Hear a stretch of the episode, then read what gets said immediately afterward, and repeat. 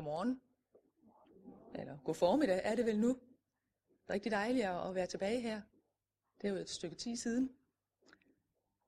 Det vi skal være samlet om her i formiddag, det er under overskriften, Hvem er kongen? Og nu hørte vi jo Christina læse om, hvordan Jesus han red ind i Jerusalem på et tempel. Og i den sidste tid, så har jeg været noget optaget af, jamen, hvordan var det egentlig at være den menige jødiske mand og kvinde, der oplevede den påske, hvor Jesus han red ind i Jerusalem på et æsel. Og folk, de rev palmegrene af, viftede med den og lagde den ned foran ham. De kastede deres kapper og lagde den ned foran Jesus, så han kunne gå på dem. Han blev hyldet som en konge. De havde ikke lige den store røde løber, de kunne rulle ud. Men de tog det, de havde. De havde palmegrenene, de havde deres kapper. Og Jesus red ind i Jerusalem som en konge. Folk hyldede ham som konge. Og folket, jeg tror, de stod virkelig med et brændende ønske om at få den konge. Og få et frit land. For det havde jøderne jo ikke på det tidspunkt. Romerne, det var jo besættelsesmagten. Det var jo dem, der herskede. Og folket, de ønskede en konge, som kunne drive romerne ud af landet. Men hvad var det, Jesus han gjorde efterfølgende? Drev han romerne ud af landet? Nej, det gjorde han ikke. I stedet så gik han op i templet, og så drev han handelsmænd ud af tempelområdet. I et raserianfald. Jesus var gal, da han var oppe i templet. Han drev ikke romerne ud af landet, men han drev handelsmændene og vekselererne ud af templet, ud af tempelområdet, og sagde, at hans kongerige var af en anden verden. Men hvad fik folk ud af det? De kunne sidde den søndag aften og se på palmetræer, hvor grenene var rykket af. Og når kulden den kom krybende, og de ønskede at tage kappen på for at varme sig, så fandt de bare en støvet og beskidt kappe, hvis de da i, he- i det hele taget fandt den. For den havde været smidt på jorden foran Jesus. Havde de bare fået en konge, som kunne redde deres land, som kunne befri deres land, så havde palmetræernes naturlige skønhed bare været et lille, ubetydeligt offer. Og de ville garanteret gerne have offret mere end kappen for at få et frit land.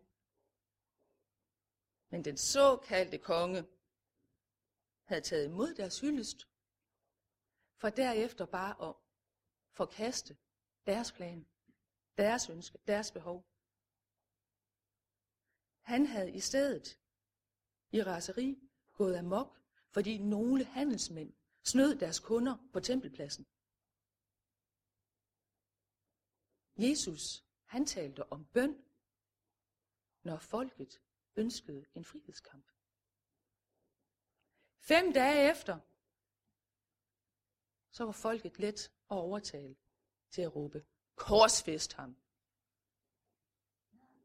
Må ikke mange af dem følte sig snydt? De havde ønsket kongen, de havde hyldet kongen, men kongen havde ikke besvaret deres bønder og behov. Jesus han havde jo også før gået og undervist folket. Han havde brugt ord som, ske din vilje. Min fred giver jeg jer. Men fred i et frit land, det ville han ikke kæmpe for. Ikke på den måde, de ønskede. Og Gud havde jo selv givet dem landet. Skulle de ikke som Guds eget folk få lov til at leve i frihed. Hvorfor vil Jesus ikke kæmpe for det? Hvorfor var Jesus ikke på linje med folket? Hvorfor var Jesus på sidesporet? Eller hvem var det egentlig, som var på sidesporet? Var det Jesus? Var det folket? Eller hvem var det egentlig? Og hvordan er det i dit liv? Sker der det i dit liv, som du ønsker, der skal ske? Du beder sikkert, ske din vilje. Sker Guds vilje? Det er spørgsmålet. Får du de bøndesvar, du ønsker? Og hvis ikke, kan det være, at du faktisk forventer noget andet end Guds vilje? Hvem er herre i dit bønneliv? Hvem er kongen? Og hvor er Jesus? Er han sat ud på et sidespor? Sker Guds vilje i dit liv? Og generelt sker Guds vilje på jorden? Det handler om min vilje. Det handler om din vilje.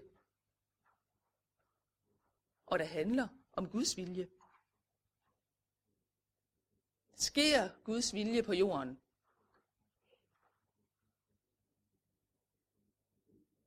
Mit helt klare svar til dig i dag, det er nej. Guds vilje sker ikke. Og så tænker du, hvad? Sker Guds vilje ikke? Men hvorfor sker Guds vilje ikke? En ting, vi bliver nødt til at på det rene, det er, at skal vi bede Guds bønder, skal vi bede efter Guds vilje i fællesskab, så bliver vi nødt til at have den samme forståelse af, hvad Guds vilje er. Og hvis man med udgangspunkt i Guds uovervindelige storhed konkluderer, at Guds vilje altid sker på jorden, fordi der ganske enkelt ikke er nogen, der har magt til at forhindre ham i det, ja, så står man i det dilemma, at man bliver nødt til at forklare, hvorfor Gud ønsker at velsigne os i gåsøjen med sygdom, ulykker, krig, overgreb, nød, og vi kunne blive ved. Men Bibelen gør det egentlig meget enkelt for os. Jesus han lærte os at bede. Ske din vilje som i himlen. Således også på jorden. Og det lærer os to ting. For det første, Guds vilje sker i himlen. Det er enkelt. Og dernæst, Guds vilje sker ikke på jorden. For ellers var der ingen grund til at bede om det. Hvis det altid skete, så var der ingen grund til at bede om det. Men Jesus siger, at vi skal bede om det. Himlen er det sted, hvor Guds vilje sker.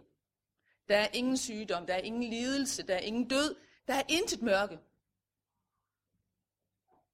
Det Gud ønsker, det sker der. På jorden er der ting, der hindrer hans vilje, så hans vilje ikke kan ske i fuld målestok. For Gud tvinger ingen. Han tvinger hverken dig eller mig. Gud tvinger ingen. I 1. Timotius kapitel 2 og vers 4, så står der, han ønsker, at alle skal frelses og komme til erkendelse af sandheden. Guds vilje er, at alle mennesker skal blive frelst. Men vi kan også godt se, at det ikke sker. Derfor opfordres vi til at bede om det. Og hvorfor er det, det ikke sker? Det er igen det. Gud tvinger ingen.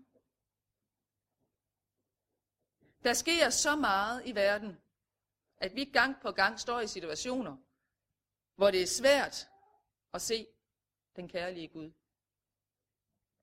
Virkeligheden og troen på en kærlig Gud, det kan være to ting, der er meget svært at forene. Men vi er ikke kaldet til at være Gud, som ved alt og forstår alt. Vi er kaldet til at tjene, og vi er kaldet til at adlyde. Vi skal ikke primært forstå Gud. Vi skal adlyde Gud. I Bibelen så står der helt klart, gang på gang, hvad Herren ønsker, vi skal. Der står, helbred de syge, opvæk de døde, gør spedalske rene, driv dæmoner ud, elsk jeres fjender, gør godt imod alle, velsign og forband ikke. Bibelen gør det jo klart, hvad vi skal gøre. Når vi møder sygdom, så bed om helbredelse. Hvor svært kan det være? Det er os selv, der gør det svært. For vores største problem er stolthed. Vi vil langt hellere være bøndens herre, end vi vil være herrens tjenere. Og stoltheden, den hæmmer os. Vi har generelt et overfokus på at forstå alt.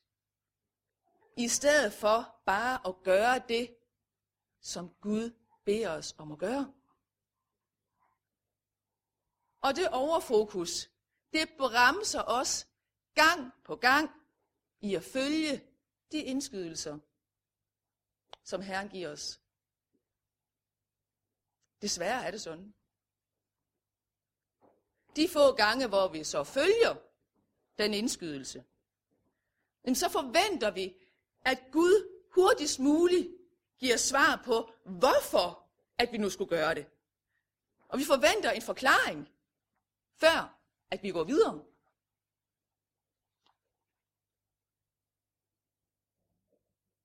Og så har vi den tendens til gerne at vil forklare alverdens omstændigheder ud fra de bønder, som vi gerne selv har været med til at bede.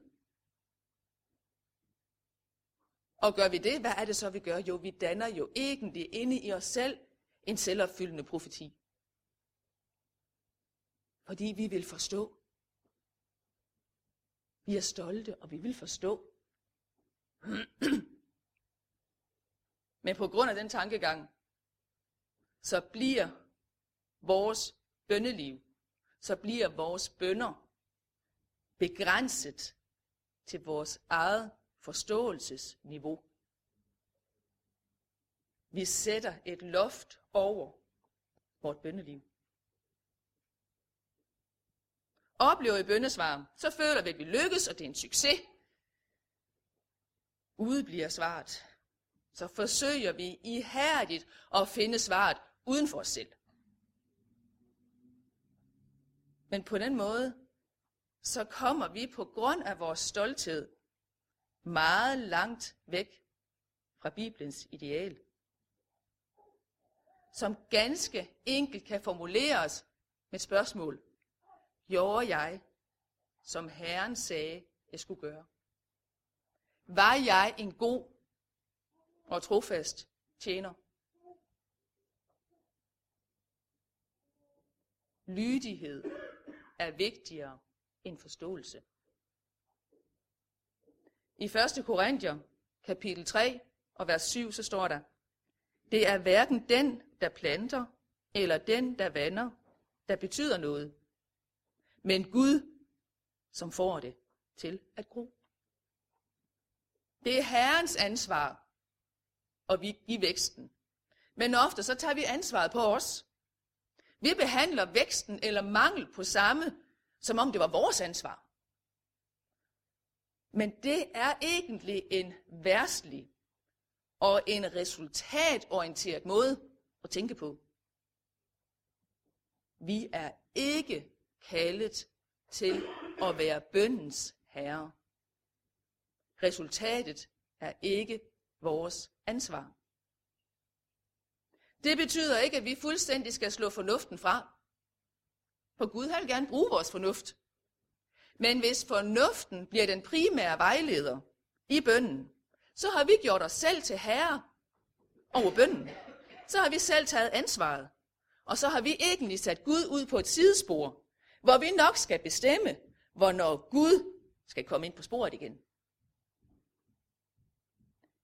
I 1. Peter 1.2, så står der, Gud Fader udvalgte jer i sin forudviden til at være et folk, der helligt ved ånden skal leve i lydighed mod Jesus Kristus, hvis blod har renset jer fra al synd. Og videre i vers 13 og begyndelsen af vers 14, så står der, Hold jer derfor i beredskab, både i tanke og sind. Ha' tillid til den nåde, som I vil få del i, når Jesus Kristus kommer igen. Adlyd Gud. I er jo hans børn. Leve i lydighed. Adlyd Gud. Det er nøgleord. Men hvem er kongen? Der er to sæt af kerneord. To grupper af ord, som vi enten ubevidst eller bevidst vælger at holde os til. Det ene, det er forståelse, fornuft, ansvaret og kontrollen. Vi kan, næsten, vi kan næsten høre på det, at det har noget med stoltheden at gøre. Forståelsen, fornuften, ansvaret og kontrollen. Vi kan vælge, om vi vil holde os til den gruppe af kerneord, eller vi kan bevidst vælge en anden gruppe ord, og det er lydighed, stilhed, trofasthed og accept. Og valget, det er vores. Er du parat til at slippe kontrollen i dit bønneliv? Er du villig til at lade ansvaret ligge hos Herren? Er du villig til at lade fornuften ryge ned i underetagen, så Herren han kan flytte ind som den retmæssige ejer og ansvarshavende i dit bønneliv? Vil du lade dig lede af din egen forståelse? Eller vil du lade dig lede af den hellige ånd? Tør du være stille og lytte til Herren? Eller bliver du for restløs? Så du bliver nødt til at gøre noget eller sige noget. Der er nogle mennesker, der når de er til et bønnemøde, og der pludselig bliver stille, og der ikke er nogen, der tager ordet, bliver frygtelig restløse. De synes næsten, det er pinligt. Der er jo stille. Hvad skal jeg gøre?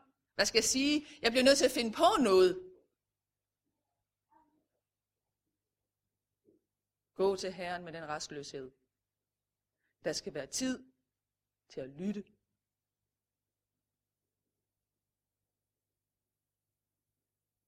Herren ønsker tjenere, som lytter og er lydige, selvom de ikke forstår.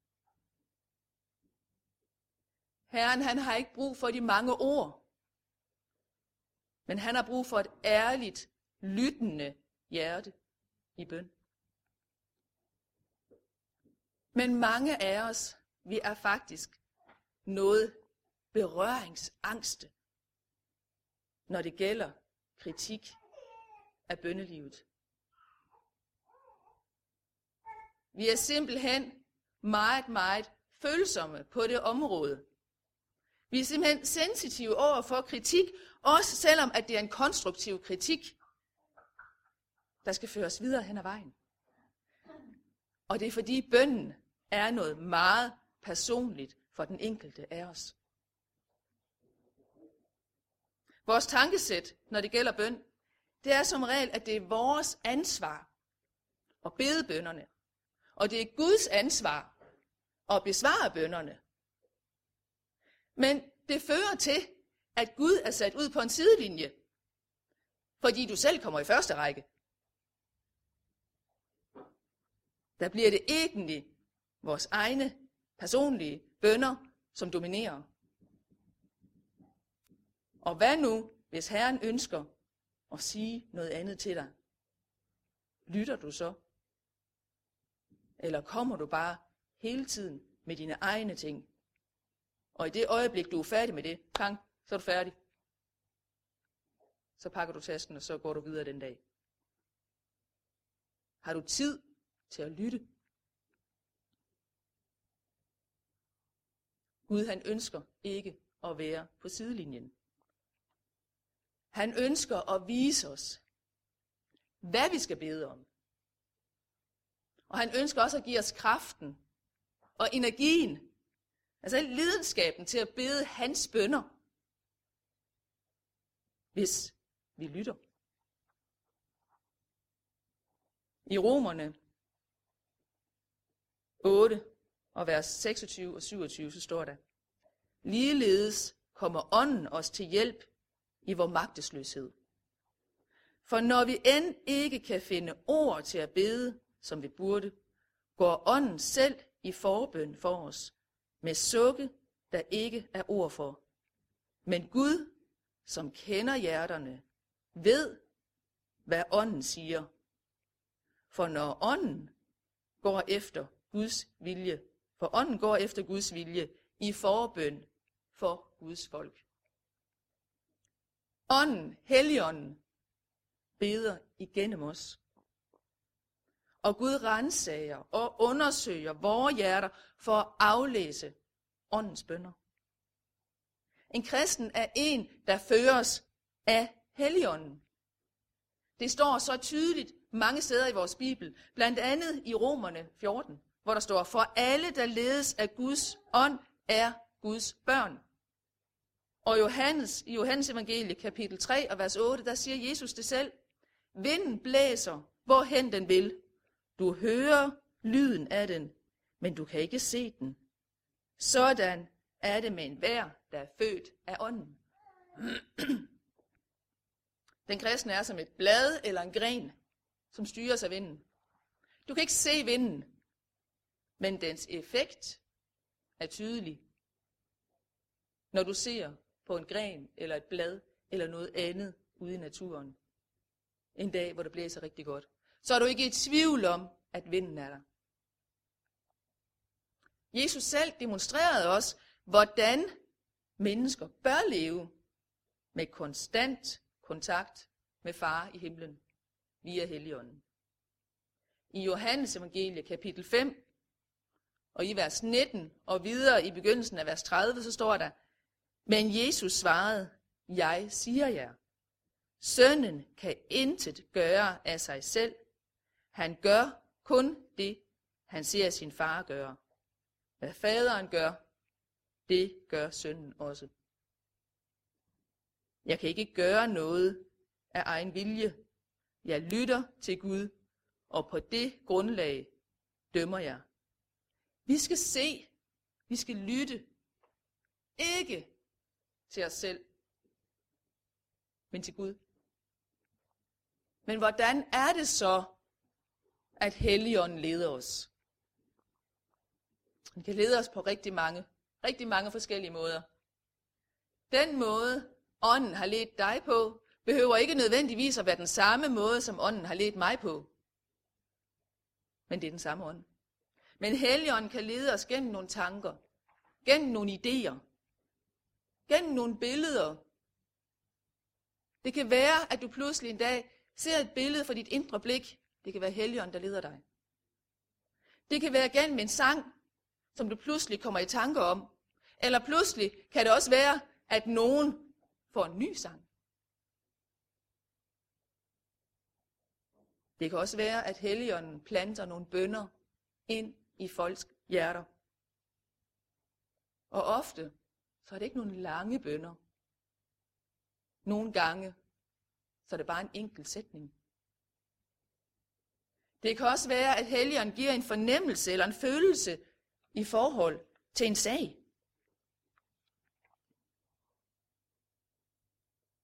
For Helligånden har mange forskellige måder at lede os på. Den ene måde er ikke mere rigtig end den anden. Men det vigtige er, at vi lytter. Og når vi oplever, Helligånden leder os til noget, så fører det automatisk til et valg. Tør jeg virkelig tro på, at det er Helligånden, som har givet mig det? Tør jeg virkelig tro på det? Og der kommer næste skridt. Tør jeg så virkelig at gøre det, som Helligånden tilskynder mig til? Det er jo ikke sikkert, at jeg forstår det. Det er jo ikke for sikkert, at jeg forstår meningen med det. Det er ikke sikkert, at jeg ved, hvor det ender. Og der er det pludselig, vi står der med vores stolthed, vi vil gerne forstå. Det er ikke altid, vi gør.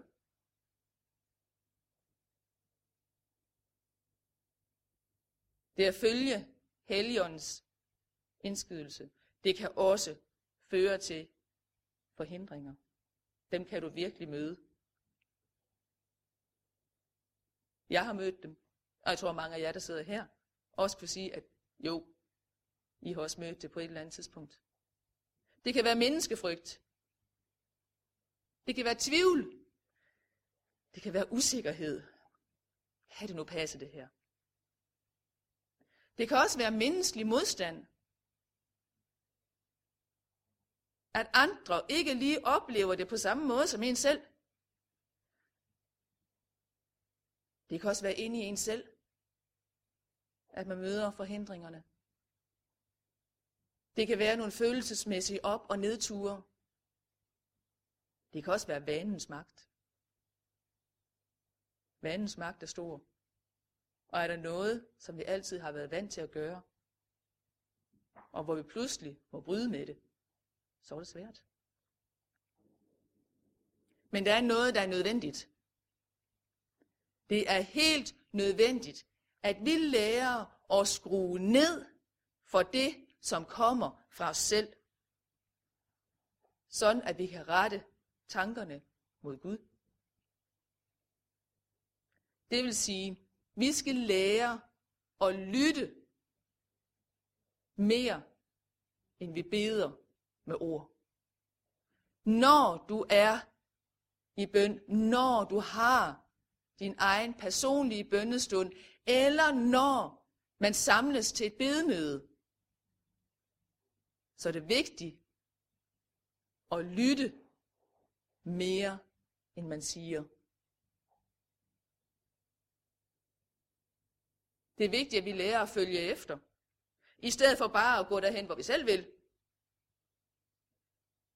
Og det er vigtigt, at vi lærer at underlægge os Gud. Og det kan vi øve os på ganske enkelt ved at sige, der skal vi også underlægge os den eller de personer, som leder et bedemøde. Hvis ikke at vi kan underlægge os den, der leder et bedemøde, hvordan vil du så underlægge dig Herren? Og vi skal lære og acceptere, at bønden er Guds ansvar.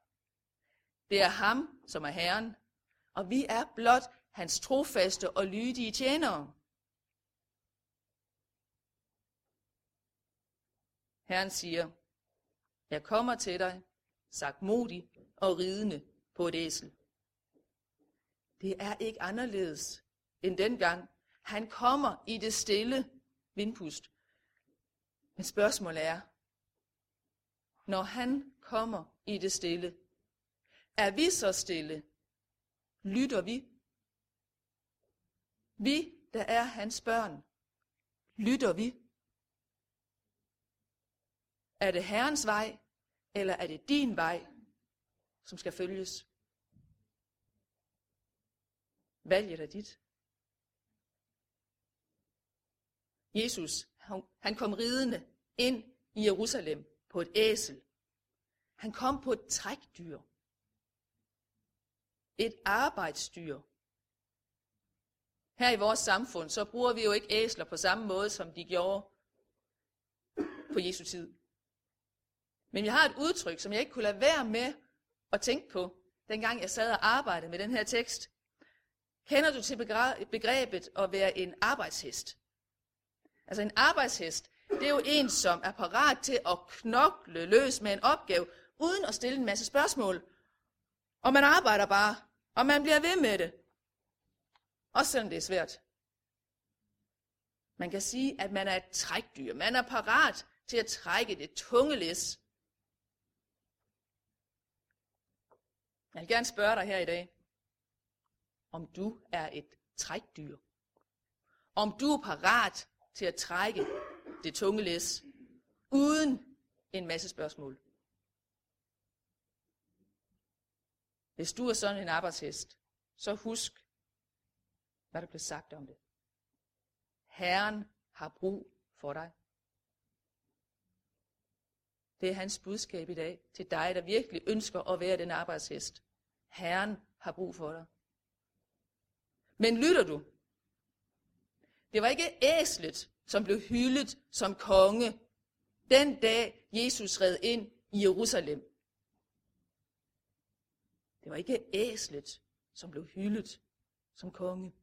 Det var ikke æslet, som var konge. I stillhed tog æslet imod sin opgave. I lydighed udførte æslet sin opgave. I trofasthed fuldførte æslet sin opgave.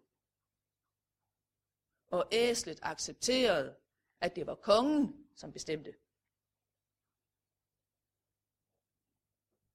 Vil du i dit bønneliv have kontrol og ansvar,